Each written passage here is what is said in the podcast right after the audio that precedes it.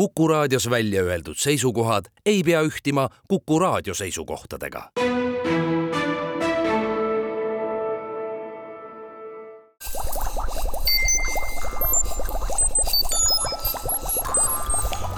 kukkuv õun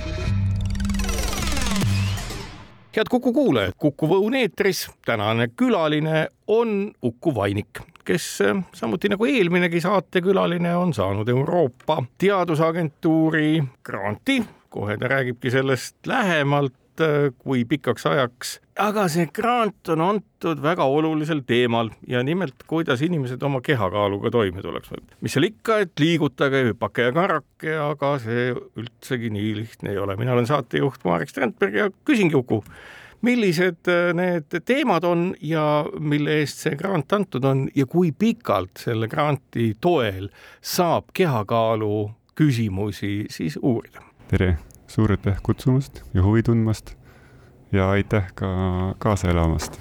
grant on minu arvates väga põletaval probleemil, et kui inimesed püüavad kaalu langetada ja ma kujutan ette, et igaüks meist on kas ise püüdnud kaalu, kaalu langetada või jälginud, kuidas keegi pereliige või hea tuttav langetab kaalu, siis on alati näha, et mõnedel õnnestub see väga hästi, nad võtavad selle kätte ja teevad ära.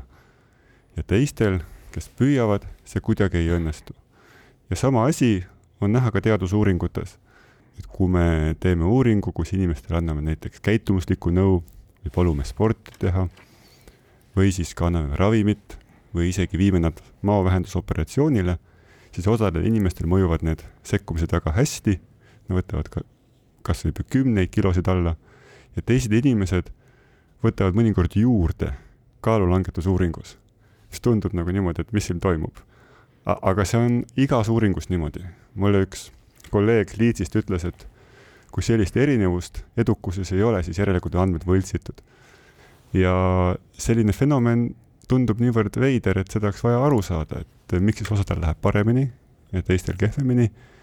Ja siis äkki me saame õppida, et mida need inimesed, kellel hästi läheb, mis nad hästi teevad, et kuidas me neid teisi eh, suudame kaasa aidata, et ka neil hästi läheks. sa oled äh, Genoomika Instituudis käitumisgeneetika kaasprofessor. hüppan nüüd selle teema juurde, et võib siis oletada, et ka meie käitumised või reaktsioonid näiteks ühele või teisele toimingule, mida me teeme selleks, et oma kehakaalu normis hoida või seda alandada, parem tervis oleks et kas need põhjused on siis geneetilised valdavalt või on seal küsimus teine, et inimene, nii nagu ju kes iganes teinegi olend siin ilmas, eks ole, vormitakse ja vermitakse teatud käitumismustrisse, sealhulgas ka toitumismustrisse ja sellest ei olegi väljapääsu. kumb siis, kas käitumine, mis lapsepõlves omandatud toitumisega seotult või siis palju sügavamad geneetilised põhjused, mis meie aju toimimismustreid terve elu paigas hoiavad? väga hea küsimus. ma kõigepealt täpsustan ära, et ma olen nii Genoomika Instituudis kui Psühholoogia Instituudis. et ma tegelen nii käitumise kui geneetikaga ja see on minu arust väga sobiv enda jagamine. küsimus on väga aus.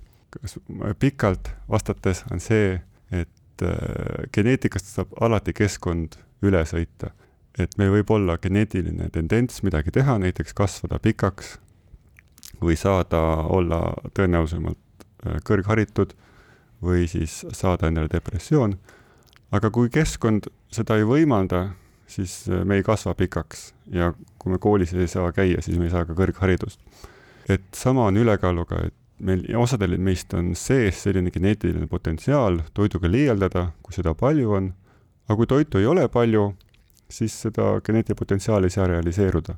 et äh, võti on ikkagi meie tänapäeva keskkonnas ja selles toidus, mis meile pakutakse, see on väga mõnusasti söödav, seda, seda on lihtne kiiresti süüa, me saame palju energiat endale kõhtu ja niisiis eh, inimesed, kellel on see geneetiline potentsiaal kaalust juurde võtta, nad siis, neil on väga lihtne seda teha. ma ütleks, et olukord isegi selline, et on veider, et kõik inimesed kaalust juurde ei võta. Kas huviorbiiti saavadki siis need inimesed, kes õgivad nagu kõik, on täpselt samasuguses nii-öelda reklaamide ja toidupakkumiste meelevallas nagu me kõik, aga üllatus-üllatus, nendega ei juhtu mitte midagi.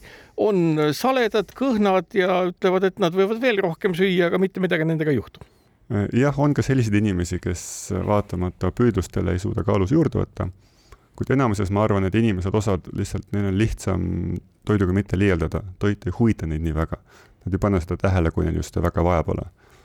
aga paljud inimesed on sellised, kes panevad toitu kogu aeg tähele, kui seda pakutakse ja siis see tundub niisugune mõnus asi, mida võtta. ja siis see, miks see geneetiline pagas meil on, see ongi olnud ka niisugune teaduslik äh, pusle, et miks meil on selline üks kõige viimase aja kõige mõjukam teooria on see, et see on lihtsalt äh, juhuslik triiv. et äh, kui inimese vaenlased lõpetasid inimese söömise, ma arvan, et see juhtus siis, kui inimene leiutas tule ja sai need tööriistad kätte, siis kadus ära vajadus inimsööjate eest ära põgeneda no samas ütleme, ma mõtlen just praegu, kui vahele segada, et siis samas ju ütleme, väga pikka aega läks ennem sinnamaani, kui piltlikult öeldes toit suhu jalutas ehk et äh, põllumajanduse leiutamiseni tuli ikkagi äh, visa olla äh,, küttida, mis tähendas liikumist ja korilusega tegeleda. Ja liiku-, inimene on liikuma loodud, aga meil kadus ära vajadus niisuguse ülempiiri piirata, et kui mõni läks natuke tüsedamaks, siis sellest polnud üldse hullu kui ta kõndis natuke aeglasemalt, sest keegi teda niikuinii taga ei ajanud.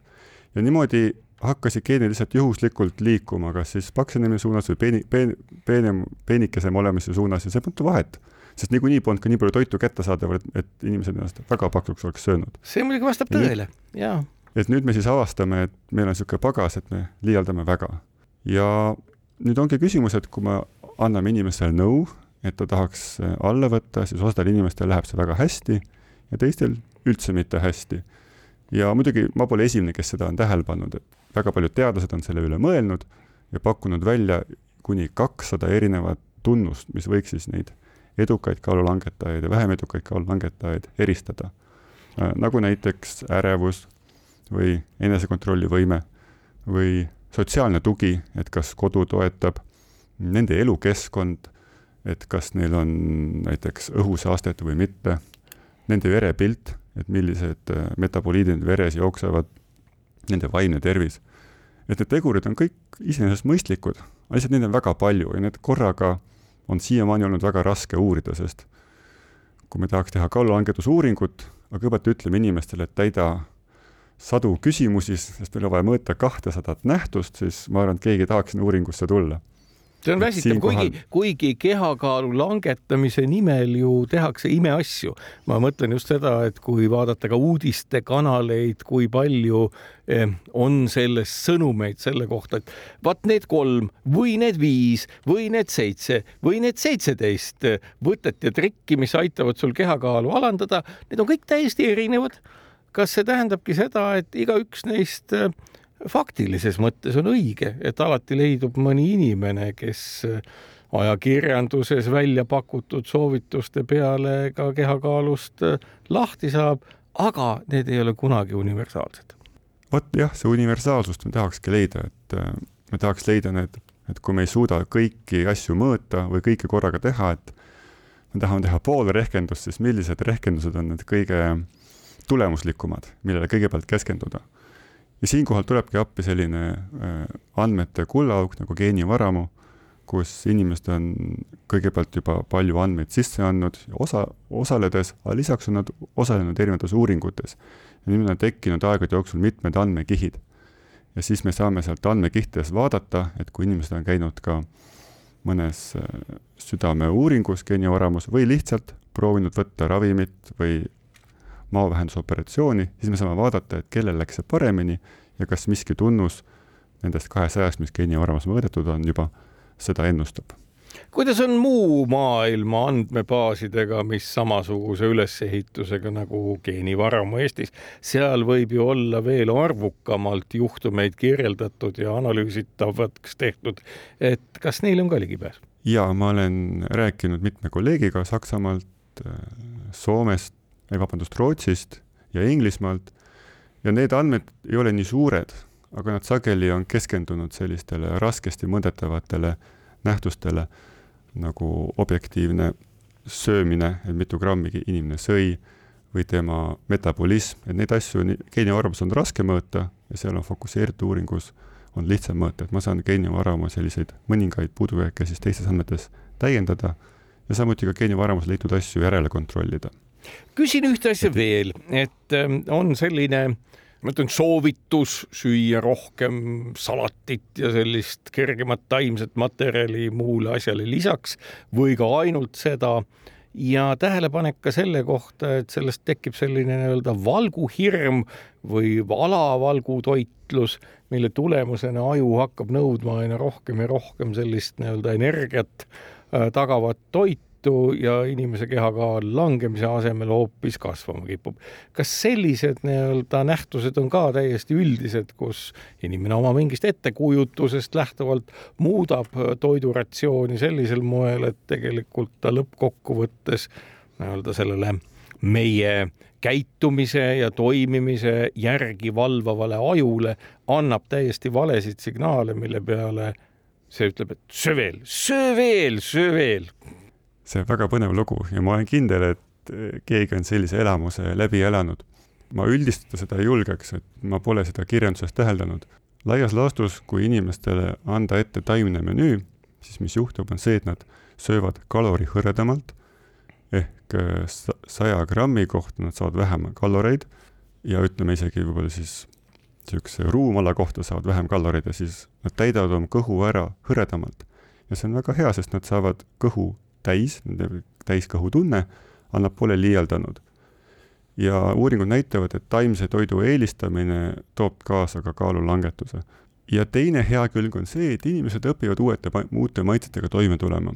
et äh, kui inimesel on tung mõne toidu järele või tal seda ei ole, siis seda kaks nädalat harjutada uue menüüga siis inimene õpib seda nautima ja ta unustab vanad maitsed ka ära.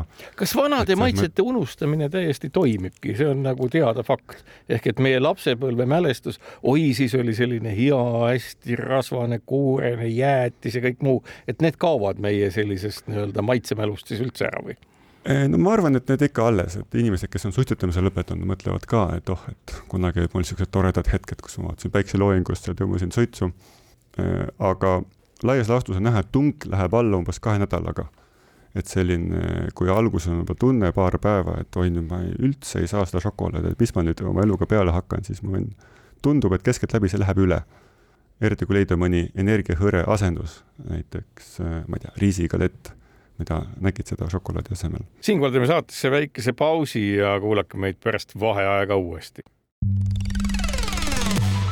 kukkuv head kuulajad, Kuku Õun jätkub, külas Uku Vainik, Tartu Genoomika Instituudi ja Psühholoogia Instituudi kaasprofessor, kes on saanud uurimisgranti Euroopa Liidust selleks, et uurida neid põhjusi, miks kellelgi õnnestub kaalu langetamine ja kellelgi teisel jälle mitte ja mis mehhanismid seal taga on. mina olen saatejuht Marek Strandberg ja küsingi Uku sult nüüd järgmise asja, et siin on ju väga erinevaid teid, millisel moel inimeste tunge ja impulsse ohjata, kuni siis äh, radikaalsemate lahendusteni, mis tähendab näiteks ühe või teise elektroodi aiu viimist, aga ka pehmemate lahendusteni, millest hiljaaegu lugeda oli, kus äh, manipuleeritakse närviimpulsse edastava, mõlemas suunas edastava uitnärviga, mis aju meie kõikvõimalike organitega seob ja mis olemuselt tundub olevat nagu kõhutunde paiknemise koht, kus siis on avastatud, et väga erinevaid juhteteid nendes vist saja kuuekümnes tuhandes närvikius, mis seal sees on, mõjutades võib saavutada üht, teist, kolmandat asja, välja lülitada isu, välja lülitada liigse depressiooni ja mida kõike veel.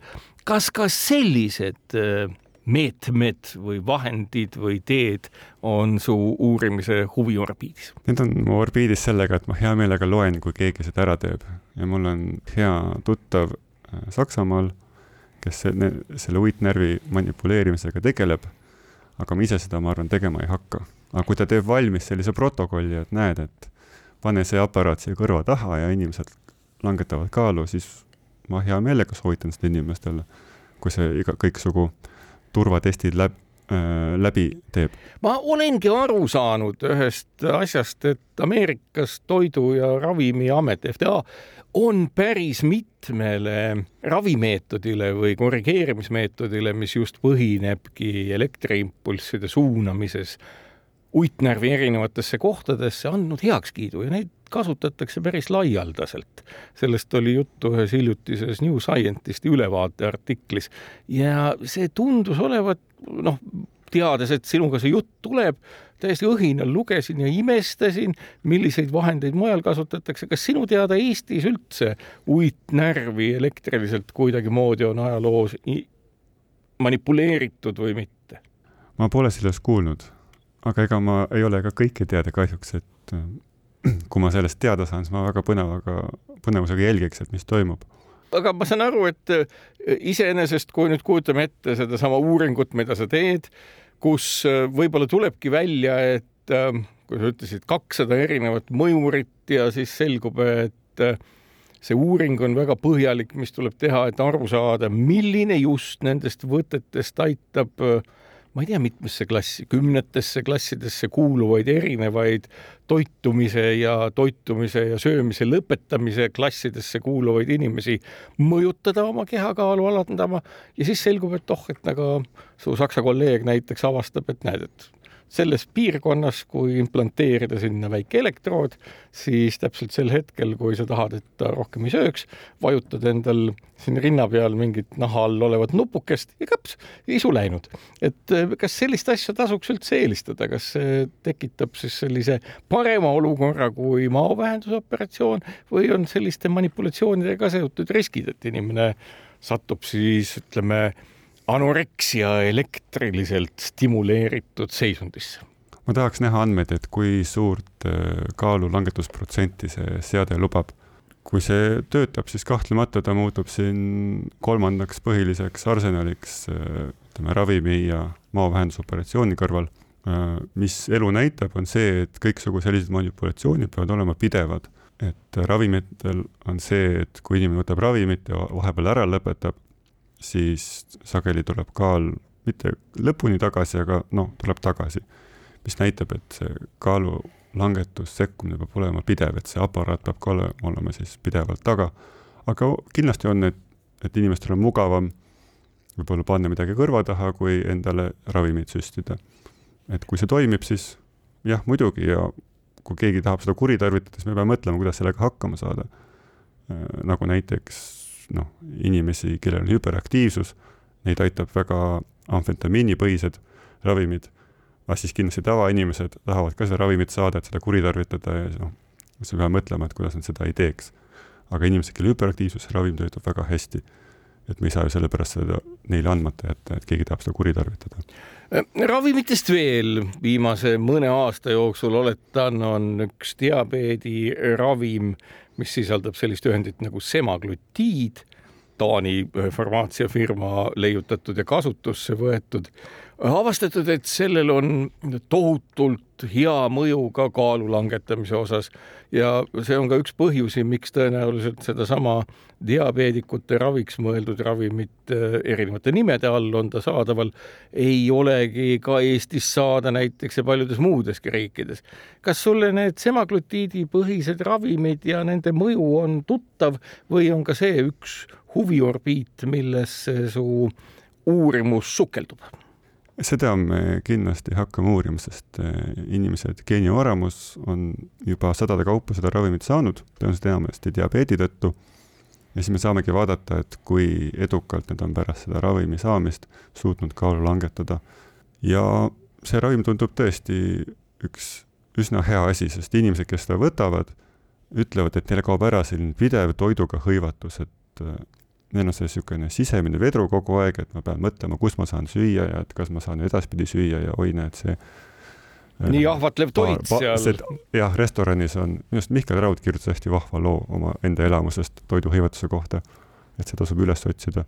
ja siis see ravim võtab selle ära ja kujutate ette, kui inimene saab niimoodi abi, siis ma arvan, et see on ju hea asi ma just mõtlen, see on huvitav just ju selles kontekstis, et äh, ravim, mis on mõeldud teise tüübi diabeedi ohjamiseks, mis ju paljuski võib ka elu jooksul kujuneda just nimelt selle tõttu, et inimesel on ülekaal ja kõik muud ja muud hädad küljes ja siis on ravim, mis ühtlasi raviks ka teise tüübi diabeeti, aga väldib ka selle teket. see on ju just nagu kullaauk kogu meditsiinisüsteemile heas mõttes, et me saame ju vähendada sellega ju kõikvõimalikku nii ülekaalulisuse kui ka diabeediga kaasnevaid haigusi, mille ravimine on ju nende väljakujunemise järgselt üsna kulukas ja inimestele vaevaline. jah, ma arvan, et see on väga tugev relv arsenali, et kindlasti ta ei saa olla ainuke lahendus. et laias laastus selleks, et ühiskonnas lõpetada ära see teist tüüpi diabeedi ja ülekaalu probleem, tuleks muuta seda toitu, mis meile vaikimisi antakse, et ta võiks olla vähem energiatihe ja kauem näritav. aga senikaua, kui, kui seda ei toimu, siis ma arvan, et see ravim on selline hea alternatiiv, kuidas inimesi aidata eh, elu kvaliteetsemalt elama. samas on hästi palju nüüd kuulda seda, et oi-oi, et see ikkagi, seal on igasuguseid riske ja me ei tea ikka kõike veel no mõnes mõttes ongi ju see kaalumise koht, et kui tõepoolest üks keemiline ühend vähendab oluliselt õgimise määra ja kehakaalu kasvamise määra, siis peab vist väga hoolikalt kaaluma seda, kas ikka tasub öelda, et ei, me ei tea kõiki riske, ärge ennem kasutage, kui see esimene nii-öelda tulemus on ikkagi selline, et inimeste elukvaliteet ja ma saan aru, ka inimeste rahulolu iseendaga paraneb märkimisväärselt. just, et jah, et senikaua kestnud uuringud pole selliseid pikaajalisi efekte veel leidnud, aga neid kindlasti inimesi jälgitakse, kes algupärastes uuringutes on, et kas midagi tuleb. ja see on väga hea äh, märkus, et, et inimeste elukvaliteet paraneb. et hiljuti ma juhendasin doktor, doktorant Kadri Arumäed, kes nüüd on doktor ja tema doktoritöö näitas väga hästi, et kui ma vaatasin inimese isiksuse ja kehakaalunumbri põhjuslikke suunasid, siis tuli välja, et see, kuidas inimesed vastavad isiksuse testile on mõjutatud kehakaalu poolt, mis oli hoopis teistsugune seos, kui me ootasime. et ma arvasin, inimesed on ärevad, tegelevad emotsionaalse söömisega ja seetõttu saavad ülekaalu, aga pigem paistab vastupidi, et inimestel on kõrge kehakaal siis nad äh, tunnevad ärevust võib-olla näiteks keskkonna negatiivse tagasiside tõttu ja siis nad ütlevad isikutestina suurem ärevus. ja ma arvan, et see näitab seda, et kui inimesed suudavad kaalu langetada, siis tõenäoliselt neile isiksus võib ka muutuda nii-öelda tüüpiliselt meeldivamaks suunas, et vähem ärevust ja rohkem kontrolli oma elu üle. siinkohal teeme saatesse väikse pausi ja kuulake meid pärast vaheaega edasi.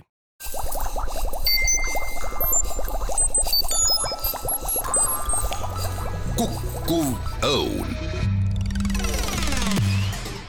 head Kuku kuulajad, Kuku jätkub külas Genoomika Instituudi ja Psühholoogia Instituudi Tartu Ülikooli omade kaasprofessor Uku Vainik, mina saatejuht Marek Strandberg ja juttu on meil kehakaalust, selle langetamisest ja peaasjalikult selle tõttu, et Uku on saanud Euroopa Teadusagentuuri granti nende teemade uurimiseks. see on nüüd eelmise saateosa lõpust üsna oluline järeldus, et inimese oma ilm või oma tunnetus sõltubki just nimelt tema kehakaalust ja kehakaalu ei kasvata üldse mitte ärevus, vaid äh, hoopis muud tegurid, ehk et inimene ei jää ärevaks äh, selle tõttu ja ei hakka siis äh, rohkem sööma, vaid asjad on hoopis vastupidi. nüüd ma mõtlen, et kui kogu see teadmiste pagas meil nüüd olemas on ja noh, ega me ju igaüks teame, kust tuleb see toit, mis meid sedavõrd mõjutab, loomulikult poest loomulikult söögikohtadel, loomulikult arvukatest kirevatest reklaamidest, mis kirjeldavad, kui palju üks, teine või kolmas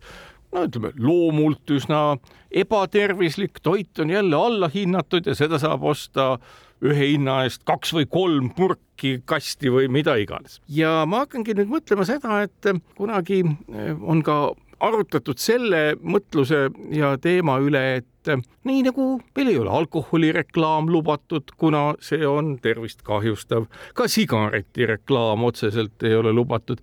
kas me võiks ette kujutada, et näiteks selliste noh, nii-öelda toidu allahindluse ja, ja sellise tervist kahjustava toidu nii-öelda masstarbimist suunavate reklaamide keelustamine võiks ka kõne alla tulla. ma arvan, et siin peab lihtsalt proovima. Need, kuidas need toidud on niivõrd ebatervislikuks läinud, on tulnud läbi proovimise ja kogemata, et ega ükski firma ei ole võtnud oma plaaniks inimesi paksuks sööta. oled sa, oled sa selles kindel, selles mõttes, et ma arvan, et nad ju uurivad kõikvõimalikke võimalusi kasvatada isu vaatamata sellele, et rööbiti süüakse ehk et nii-öelda. Nad tahavad rohkem müüa. Nad tahavad rohkem müüa, nad tahavad nii-öelda suurendada selle tõttu rasva ja suhkru osakaalu. Nad lisavad sinna maitse tugevdajaid, kõik toidutootjad. ja, ja tule... kui sa mõtled selle protsessi üle, siis inim-, on neil toode, näiteks kartulikrõpsud, siis vaadatakse, et oi, et hästi ei müü, siis kutsutakse kokku selline diskussioonigrupp, antakse erinevaid kartulikrõpsu variante, küsitakse inimeste käest, mis teile kõige rohkem meeldib. ja siis muidugi inimesed ütlevad, oi, et see rasvane magus, et see on kõige parem. ja siis nad panevad ka tähele, et kui see krõps niimoodi hästi kiiresti suus ära kaob, mitte ei jää sinna käima, siis inimesed võtavad rohkem krõpsu sealt teevadki järelduse, järelikult, et krõps paremini müüks, peab olema rasvane ja magus ja kiiresti suust ära kaduma. nojah, aga see on ju ometi kõikide teadmistega kooskõlas ülimalt äh, tervisele kahjulik tegevus no nüüd me saame, teame seda, jah. me saame nagu selle viisakalt nagu välja vabandada, et ei, ei, esmane eesmärk ei ole teha mitte tervisele kahjulikku asja, vaid rohkem müüvat asja ja noh, lihtsalt juhtub niimoodi, et äh, see saab olema ka kahjuks jah, tervisele väga kahjulik. et jah, niimoodi, niimoodi see umbes on läinud ja nii, niimoodi ja... on läinud ja in-, nendel firmadel on raske hakata tegema järsku tervislikku asju, kui teised sedasama asju edasi teevad vanasti. et ma arvan, et siin ongi vaja sellist äh, sotsiaalset kokkulepet, et minu arvates võiks olla, et teatud energiatihedusest tihedamat toitu ei peaks niisama heast peast pakkuma kõigile või, või seda nii laialdaselt pakkuma ja oleks vahva, kui oleks toidu juures parameeter, et kui kaua see närimine võtab ja siis optimeerida, et inimesed näriks kauem ehk et mida kauem närida, seda, seda selgemaks saab, et siis kas ma oletan õigesti, et saab ka aju oma vajalikud signaalid siis kätte ja ütleb, et okei okay., ta ei ole ju, aju ei reageeri väga kiiresti sellele, et Just. nagu sellest ju tulebki meie ülesöömine, et noh, ma ei tea, muiste ma loodan, et enam seda ei ole, aga muiste mäletan, jõulu ja aastavahetuse aeg oli ikkagi niisugune õgimispidu, et oli, oli toitu palju ja siis nagu õgiti kuni kurguni ennast täis, kõik oli väga maitsev, väga rasvane väga toitev. aga no see ei olnud pidevalt. nii et inimene on valmis õgima, umbes nagu, ma ei tea, koerte tõugudest labradori retriiver, alati ja igal hetkel. just ja jah, me oleme kogu aeg valmis õgima ja kui meile võimalus antakse, siis kogemata anname selle võimaluse kogu aeg. ja hästi huvitav on ka see, et see labradori retriiver on suhteliselt huvitav näide, et nad jagavad genoomi inimesega ühes kohas, mis paneb neid õgima. Ongi nii ja, või? ja see on MC4R üks genoomi piirkond ja siis, kui labradori tehakse ka pimeda koerteks sageli, siis need koerad on kusjuures eriti valmis õgima neil on see genoom, mis väga toetab õgimist ja miks see hea on, on see, et siis nad on väga valmis ka õppima toidu nimel et siis äh, nad teavad kogu, et kui teevad õigesti, nad saavad süüa ja siis on nõus igasuguseid asju tegema. ja, ja teistel koeratõugudel, kes saledamad välja näevad või kellel ei ole ohtu, et oma, oma vanemate sugulaste juurde äh, suve- või talvepuhkusele minna, et siis tagasi tuleb koer nagu omnibuss, kes oskab ainult edasi ja tagasi liikuda ja keskelt ei pöördu, et, et see on nagu spetsiifiliselt just labradori omadus no kuidagi on leitud jah, et labrador, ma ei tea, kas see on teistel koertõugudel ka või mitte. no kõik nad tahavad labradoril... ikkagi maiust ja õpivad selle nimel, aga tõepoolest, omades kogemust labradoriga, on ta valmis igal hetkel toidu nimel tegema praktiliselt kõike. noh, ma ei oska öelda, kas selgeks õppima matemaatika või võõrkeeled, aga igal juhul väga paljut. oskab pimedaid talutada. aga ma tahtsin siinkohal tunnustada Eesti toidutööstuse, et siin oli just uudis, et esmaspäeval, üksteist septembril toimub kokkutulek kus toidufirmad ja ka toidutegijad arutavad, kuidas toitu teha tervislikuks. et ma ootan huviga, mis mis sellest seminarist välja tuleb, ma loodan, et nad teevad ka mingisuguse kokkuvõtte sellest, et äh, umbes mõni aasta tagasi lubas Eesti toidutööstus, et nad hakkavad soola vähendama. ja soola vähendamine on tõesti näiteks äh, Inglismaal väga hästi õnnestunud, et viisteist aastat tagasi äh, leppisid seal toidufirmad kokku, et nad vähendavad järjest soola, inimesed harjusid aina vähem ja vähema soolaga ära ja see on näidatud ka, et vastavalt siis südame-veresoonkonna haiguste arv tubaka läks alla tänu soolavähendusele. no mõnes mõttes suur... on see ju jah, ma mõtlen su jutu peale praegu ju toiduainete tööstusele, mida pikemalt inimene elab, seda pikemalt on inimest, toiduainete tööstusel ju ka klienti, et äh, Just. äh, ei tohiks olla huvitatud sellest, et ta sööb ära lühikese perioodi jooksul väga palju rasva ja suhkrut ja sureb kiiresti, et pigem kui ta jaksab oma pensionisäästudest ka jätkuvalt kvaliteetset ja kallist toitu osta, et see võiks olla mõistlik. ja inimene ju peab alati sööma, et ma saan aru, et tubaka ja alkoholi puhul on riigi eesmärk seda nagu ära lõpetada, aga toi-, söömist ei pea ära lõpetama inimene peab kogu aeg sööma. Ja siin näiteks eh, Šveitsi firma Nestle on juba omaks võtnud näiteks selle Nutri-Score'i info, mis aitab inimestel valida kiiresti tervislikumat varianti oma lemmiktoidust ja nemad on siis omaks võtnud, et see on hea asi ja seda igale poole pannud ja nad palusid mul ka toetada nende PR-teadet mingi paar aastat tagasi. ma mõtlen, kui keeruline on siis ähm, selle puhul, nagu sa ütled, et närimisaeg, energiatihedus ja kõik muud sellised parameetrid, mis ju mõõtmisega kursis oleva isikuna tunduvad olevat ju lihtsalt mõõdetavad ja kas kas see on täpselt sama asi, et kui kõik seda märgivad oma toidu peale või paljud hakkavad seda märkima oma toitude peale, mida müüakse, et siis seda rohkem ka inimesed saavad teadlikuks, et mida nad peaksid valima, et oma enesetunnet parandada, et oma kehakaalu kontrolli alla saada. kas see ahel oleks nagu selline või peaks siin ka keegi administratiivselt, riik või Euroopa Liit näiteks sekkuma ja ütlema, et see on kohustuslik, et sellised andmed oleksid toidupakendite peal. ma arvan, et kohustuslikkus teeb asja lihtsamaks, sest muidu tekivad ikka olukorrad, kus keegi paneb ja keegi ei pane ning kui kõigil on kohustuslik üks asi, ja nad kõigil on võrdsed mängureeglid, siis on lihtsam see asi üle võtta. ma arvan, et siin hästi hea näide on tubakapoliitika olnud kui kunagi pidi igal pool süües käies või baaris pärast oma riided ära pesema, siis nüüd lõpetati avalik tubaka tarvitamine ära või noh, suruti inimesed õue ja tehti igatpidi ebamugavaks ja siis vastavalt jälle suitsetamine vähenes. mina mäletan ka seda aega, kui tõepoolest mittesuitsetajana kusagilt tulles ma arvan, iga inimene, kes ligidale sattus, tekkis küsimus, et kas te suitsetate, kuna riided tõepoolest sõna otseses mõttes haisesid ja see oli tavaline veel paarkümmend aastat tagasi. ja et ma arvan, et Lääne- või seal Lõuna-Euroopas on see siiamaani tavaline, kui keegi tahab sellist äh, elamusturismi teha. aga see näitab, kuidas reeglite koosmuutmisega saavad kõik nagu muudatusega kaasa minna. siinkohal teeme saatesse väikese pausi ja kuulake meid pärast vaheaega edasi. kukkuv õun.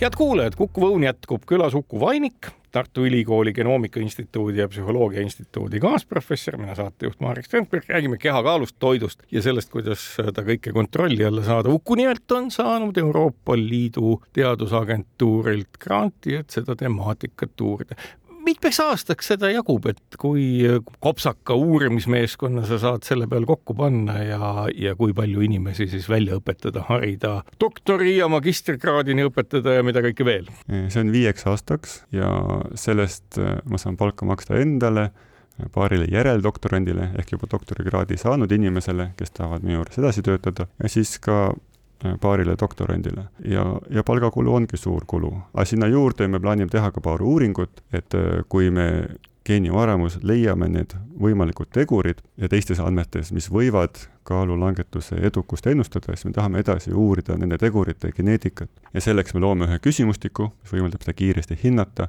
ja siis seejärel tulevastes geenivaramu uuringutes me palume inimestel uuesti küsimustikule vastata ja kui on olemas ka geenid, siis me saame leida geenimarkerid, mis nende mm, kaalulangetusteguritega võiks seostuda. ja siis nende geenimarkerite abil võime hakata vaatama ka, et kas need ennustusmarkerid on ka põhjuslikult seoses kaalulangetuse edukusega. et äh, me, meie paljud äh, meditsiiniuuringud on välja pakkunud erinevaid tegureid, mis võib-olla aitavad tervist parandada, nagu D-vitamiin depressiooni vastu või hea kolesterool südamehaiguste vastu asi on uuringutes välja tulnud, et, et D-vitamiini muutes ei muutu, muutu inimese depressioon või hea kolesterooli tõstes ei vähene südamehaiguste risk. et seetõttu geneetika aitab meil seda põhjuslikkust paremini vaadata ja seetõttu on suur väärtus, kui inimesed geeniarvamuse uuringutes osalevad ja me saame vaadata käitumistega seotud geene mõtlen veel selle peale, et kui vaadata maakera ökoloogilisi probleeme ühel ja teisel moel, siis ähm, üllatuslikult on niimoodi, et need asjad, mis inimese tervisele halba teevad, kas siis veiseliha või rasvane liha ja üldse liha äh, suures koguses ja suured kogused on tõepoolest väga suured Ameerika Ühendriikides, ega nad väiksed meilgi ei ole, mida me iga-aastaselt sisse sööme, siis me näeme seda, et äh, ka ökoloogilises plaanis sellist äh, toitude kasvatamine, loomade kasvatamine, tapmine ja mis iganes, tekitavad tegelikult ka keskkonnale tohutu surve ja, ja mõju. et just nagu, mis on kahjulik inimesele, on kahjulik ka keskkonnale Ehm, samas no me kujutame ette, et eh, ma ei tea, kuidas meil on lood, aga Ameerikas väidetavalt kaheksakümmend protsenti veiselihast sööb ära kaksteist protsenti elanikkonnast, mis tähendab ikkagi seda, et seal on ühe inimese kohta kilosid veiseliha nädalas, mida tarbitakse. et kui palju nii-öelda see loogika nüüd sel moel on, et kas inimese käitumine ongi ka majanduslikult selline, et mis kahjustab teda ennast, ta kasvatab selle osakaalu kuni siis selleni välja, et lõppkokkuvõttes ka ökosüsteem on kahjustatud selle tõttu, et seitsmekümnel protsendil ju maa viljakast osast põllumaast kasvabki tegelikult toit, mida toidetakse loomadele, et saada siis umbes kaheksateist protsendise efektiivsusega kätte liha, mis majanduslikus mõttes on täielik nonsenss ja see tervikpilt, et kui kujutada ette, et äh, kas äh, inimesele siis äh, nende ahelate selgitamine, et vaata, et kui sa nii palju sööd seda, teist või kolmandat, et siis tegelikult sinu ja sinu laste elu ja tervis läheb just nimelt keskkonnaprobleemide tõttu kehvemaks. kas sellest võib aga abi olla? sellest on kindlasti abi, kui eesmärk on planeedi päästmine. no aga inimese päästmine, ma saan aru. ja inimesi päästmine seal planeedi peal, sest me jagame kõik sedasama elukeskkonda ning äh, see mõttekäik, et liha tootmine on selles mõttes ressursi raiskamine, et me peame kasutama kuus korda rohkem taimi, et loom saaks söönuks, siis me saame selle looma ära süüa. et see on õige. ja minu arvates Prantsusmaal vähemalt toimus uuring, et panna Nutri-Score'i laadne keskkonna päästmise niisugune äh, silt peale et vaadata, kas inimese käitumist parandas ja ma arvan, et see, see parandas. aga me ei saa sellist asja lõpuni üks-üheni võtta, et kõik, mis on inimesele halb, on ka planeedile halb, et mul tuli pähe kaks näidet. et esiteks, kui me võtaks kõige väiksema ökoloogilisema jalajäljega dieedi, siis me peaks puhtalt sööma suhkrut, sest see võtab kõige vähem ressurssi ja see ometi ei oleks meile hea või siis teine, teine näide on see, et inimesed panevad tähele näiteks, et paljud noored tänapäeval joovad vähem, teevad vähem autoõnnetusi ja nii edasi ja üks põhiline põhjus on see, arvatakse, nad elavad nutimaailmas ja nad käivad vähem väljas ja näed, iseenesest on see neile hea, nad jäävad paremini ellu, aga siis mõni, eks, võib küsida, et kui see nutimaailm väga ära kaduda, et kas see, mis elu see siis on. et see ei saa nagu üks-ühele, et ma arvan, et on erinevad parameetrid, et me väärtustame tervist, me väärtustame planeeti ja ma arvan, et siin tuleb leida selline hea tasakaal ning ma, aga selles mõttes küll, et taimede eelistamine on kindlasti kasulik nii tervisele kui ka planeedile ja siin pole mingit küsimust.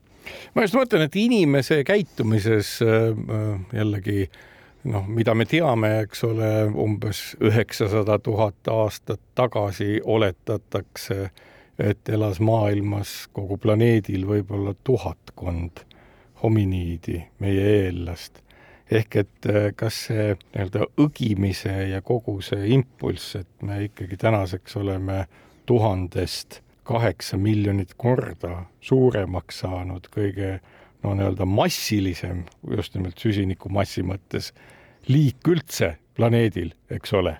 kas see võib olla ka põhjus, miks me sellest nii-öelda tuhandese, tuhandepealisest äh, seltskonnast, keda ilmselt oli väga hõredalt Äh, niimoodi välja tulime, et me õppisime õgima ja õppisime nagu teistmoodi toime tulema. me leiutasime needsamad tuled ja tööriistad ja, ja kogu see asi andis meile impulsi. ma, arvan, et see leiutamise tung on see suur asi, mis on olnud meie liiki edasiviiv jõud. jah, muidugi keskkonnaga kohanemine, me oleme hästi head kohanejad, me suudame elada polaaraladel ja, ja kõrbealadel ja süüa hästi erinevaid asju, et inimene on kõigesööja, me suudame igasuguseid asju pintslisse panna, mis annab meile väga suure eelise teiste loomade ees. Äh, ja no ma arvan, et see tule tegemine on suurepärane revolutsioon. on vaadatud, et kuidas, kui palju ajurakke on inimesel, inimesel on väga palju ajurakke ja on vaadatud, et kui võtta üks väike ahv, siis tal on kehakuju või keha kaalu kohta sama palju ajurakke, kui inimesel oleks. aga kõik teised ahvid, kes on suuremaks kasvanud, neil ei ole nii palju aju, ajurakke kui meil, sellepärast et nad ei suuda nii palju toitu endale sisse panna. Gorillad, eks ju, kogu aeg söövad, aga nad ei saa sealt nii palju energiat kätte, sest nad ei tee oma toitu soojaks. et see, et inimene suutis leiutada mm, viisi, kuidas toitu eel soojendada, et me see lihtsam energiat kätte saame, see andis meile suure eelise saada suur aju ja suur keha. ma mõtlen, et ja kas nüüd... kellelgi on äkki pähe tulnud, ma tean, et on šimpanse õpetatud tuld tegema, aga ma ei tea, kui suur see populatsioon olnud on. Need on mingid parimalt õppivad šimpansid üldse on seda lugeda olnud. Kas kellelgi sellist ahvatlevat mõtet ei ole pähe tulnud, et endale nii-öelda konkurente siia maale kasvatada sellega, et õpetada just nimelt funktsionaalseid oskusi? no ma arvan, et see võtab ikka miljoneid aastaid aega, et nende dieet ka vastavalt muutuks, vastavalt sellele oskusele. aga ma olen mõelnud, et nüüd, kui me oskame teha sellist hästi energiatihedat toitu, et kas see annaks nagu meile uuesti võimaluse liigile veel kohaneda, et me saame kasutada veel vähemat, veel väiksemat kõhtu ja ikka toime tulla et kui me nüüd oleme selles toidurikkas keskkonnas nüüd aastatuhandeid, loodame, tõi-tõi-tõi, et me kuidagi ennast õhku ei lase, siis äkki areneb mingi järgmine inimene välja, kes enam niisuguse loodust kättesaadava toiduga ei saaks hakkama, vaid saab ainult niisugust hästi energiatihedat toitu ja siis ta saab hästi hakkama. ma olen mõelnud ka teise asja peale, huvitav seos on selles, et ega ju leiutiste ja tehnoloogiate rohkus ei ole kasvanud mitte pelgalt ajaga vaid ka inimkonna arvukusega, mida rohkem nii-öelda ajusid piltlikult öelda, seda rikkalikum on leiutiste arsenaal, mida me näeme ja kasutusse võtame. ja iseenesest ongi see ju juhtunud, et ajude rohkus ja kvaliteet siiski ka, mis on tulnud, ma saan aru, korralikust õhimisest, söömisest ja ellujäämisest, on ju tekitanud meile täiesti uue evolutsioonilise situatsiooni tehnoloogia mõttes. täna me räägime juba üsna isikustatult sellest, et meie kõrvale on tekkinud tehisintellekt. kas ka selle teke on piltlikult öeldes inimkonna õgimise ja ellujäämise tagajärg? jaa, et äh, kui inimesi on palju, siis on mõtteid palju ja meil on ka võimalus neid mõtteid vahetada, et see on kõik väga tore. Ja ma arvan, et me oleme ka ainukene liik, kes üritab siis oma suurusega kuidagi või rohkusega kuidagi toime tulla, et kui vaadata teisi ökosüsteemi kollapse, kus mõni liik on järsku väga palju, siis paratamatult ta millalgi sureb välja. aga me oleme suutnud seda väljasuremist äh, vältida uue tehnoloogilise innovatsiooniga ja no liigi, liigi elueaks vist evolutsiooniliselt on umbes kaks miljonit aastat, et siis tal läheb jälle kehvasti me oleme vist siis umbes miljoni veel vastu pidanud, et meil on veel, meil on veel minna. jah, ma loodan, et me saame sellega hakkama, et uh, uued tehnoloogilised lahendused võiksid uh, meid aidata siinkohal kas võib loota, et sa oma töödest äh, jooksvalt, kui üht või teist huvitavat teada saab mm, ja avastatudki, annad ka avalikkusele teada, sellepärast et inimesed janunevad soovituste ja teadmiste järele, mis puudutavad nende heaolu kehakaalu ja sellega toimetulekut? kindlasti, et äh, teadlase töö ongi avalik, et see, mis me leiame, selle anname välja ja samuti on granti sisse kirjutatud äh, koostööplaanid, et kui me leiame mingisugused tegurid või tahame küsimustikku proovida, et siis äh, me loodame koostööd teha Eesti kaalelangetuse programmidega, et me saame siis teha soovitusi, et mida võiks sinna juurde panna või paluda neile küsimustikku testida, et kui meil on küsimustik, mis peaks ennustama ette kaalu, kaalu raskusi, et see tegelikult töötab. aitäh, Uku Vainik, et said tulla Kuku Õuna saatesse kõnelema sellest, mis teadmisi meil on võimalik hankida kehakaalu, selle langetamise ja kõige muu kohta, mis meie nagu välja tuleb, heaolu ja oma ilma kõvasti parandavad. aitäh kutsumast! sellega on Kuku Õuna saade läbi, kuulake meid jälle täpselt nädala pärast ja kaunist päeva teile! kukkuv õun